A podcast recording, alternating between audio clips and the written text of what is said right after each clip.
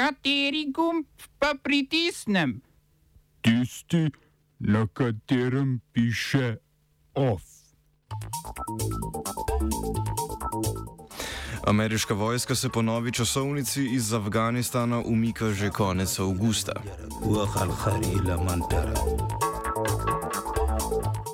Zagovornik neodvisnosti Louis Mapu izvoljen za predsednika Nove Kaledonije. V Italiji priprave za spust starostne meje za voljivce senata na 18 let. Na obisku v Sloveniji se mudijo voditelji višegrajske skupine. Kulturnih novic pa danes ni.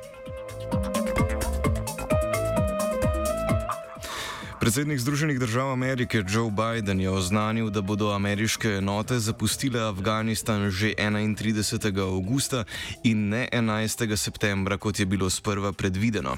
Po njegovih besedah hitrost v dani situaciji pomeni varnost. Slednjo je ameriška vojska pokazala po naglem umiku iz največjega afganistanskega oporišča Bagram, ki ga je predtem predala afganistanskim oboroženim silam, a jih ni obvestila o tem, kdaj se bo umaknila umaknila.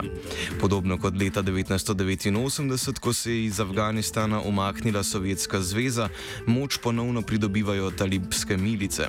Te so že prevzele nadzor nad posameznimi deli države, na zadnje nad mejnim prehodom z Iranom. Afganistanu tako grozi novo obdobje nestabilnosti. Ostajamo pri Združenih državah Amerike, a menjujemo zunanje politično dogajanje za notranje. Zvezdna država Severna Dakota je sprožila tožbo zoper Bidenovo administracijo, ker naj bi predsednikova zamrznitev najemnih pogodb za pridobivanje nafte in zemeljskega plina na federalni zemlji zvezdno državo prikrajšala za več kot 79 milijonov evrov letnega prihodka. Pravni zastopniki Severne Dakote so v tožbi navedli, da imajo imajo omenjeno zamrznitev za nezakonito in da zahtevajo, da ameriška agencija za upravljanje zemljo ponovno začne z dražbami najemnih pogodb ter potrdi tiste, ki so bile preklicane zaradi zamrznitve. Biden se je za zamrznitve najemnih pogodb odločil, da bi zmanjšal pridobivanje fosilnih goriv, saj je eden izmed osrednjih ciljev njegove administracije boj proti podnebnim spremembam.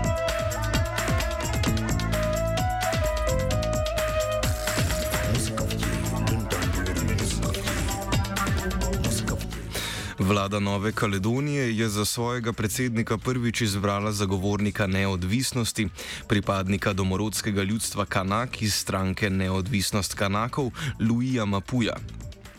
Nova Kaledonija je ostanek francoskega kolonialnega imperija, a so si prebivalci priborili veliko mero avtonomije in pravico do treh referendumov za neodvisnost. Na prvih dveh, ki sta potekala leta 2019 in oktobra lani, so se prebivalci odločili, da ostanejo del Francije, ki avtonomni državi vsako leto nameni 1,5 milijarde evrov ali 15 odstotkov bruto domačega proizvoda. Tretji referendum o neodvisnosti bo potekal 12. decembra letos.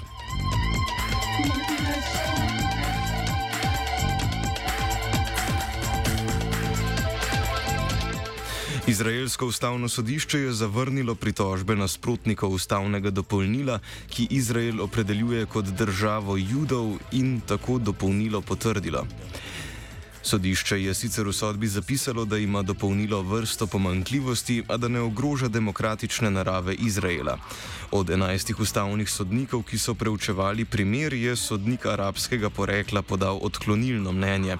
Ustavno dopolnilo, ki je bilo sprejeto leta 2018, kot omenjeno, opredeljuje Izrael za državo judov in na novo opredeljuje status arabskega jezika, ki je tako iz uradnega postal jezik s posebnim statusom. Kritiki dopolnila opozarjajo, da vsebina dopolnila še dodatno omejuje že tako krateno pravice arabskih državljanov Izraela, ki predstavljajo 20 odstotkov vsega prebivalstva.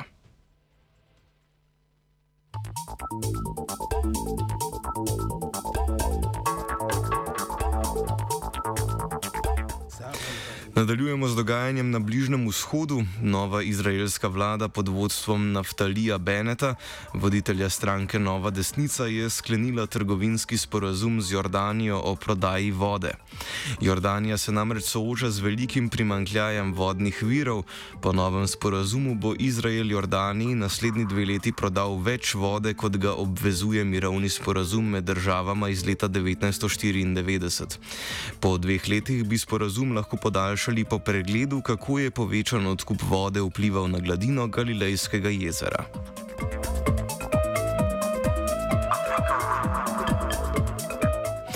Poslanci, ki podpirajo predsednika Feliksa Čisekedija, so v Demokratični republiki Kongo predstavili zakon, po katerem bi se za mesto predsednika lahko potegovali zgolj kandidati, katerih oba starša sta avtohtona prebivalca Konga. Po besedah predsednikovih zagovornikov bi tako preprečili upletanje tujih sil in lastno suverenost. Nasprotniki opozarjajo, da je zakon namenjen predvsem temu, da milijarderju in bivšemu regionalnemu guvernerju Mojzeju Katumbi prepreči nastop na predsedniških volitvah leta 2023, oče slednjega je namreč Grk.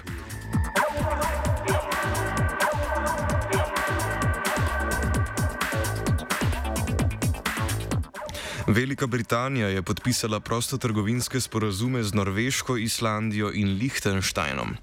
Trgovsko ministrstvo Velike Britanije je sporočilo, da bodo sporazumi povečali trgovski promet med državami, ki je lani znašal nekaj več kot 18 milijard evrov.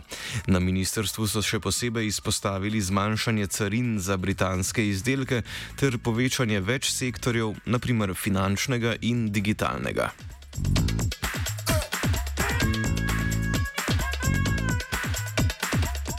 Litovske oblasti so začele s postavljanjem bodeče žice na meji z Belorusijo.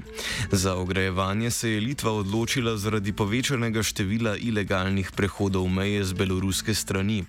Litva Belorusijo obtožuje, da namerno dopušča prehode in da celo pomaga organizirati polete iz tretjih držav. Potnike teh poletov pa potem beloruske oblasti napotijo dalje čez litovsko mejo v Evropsko unijo.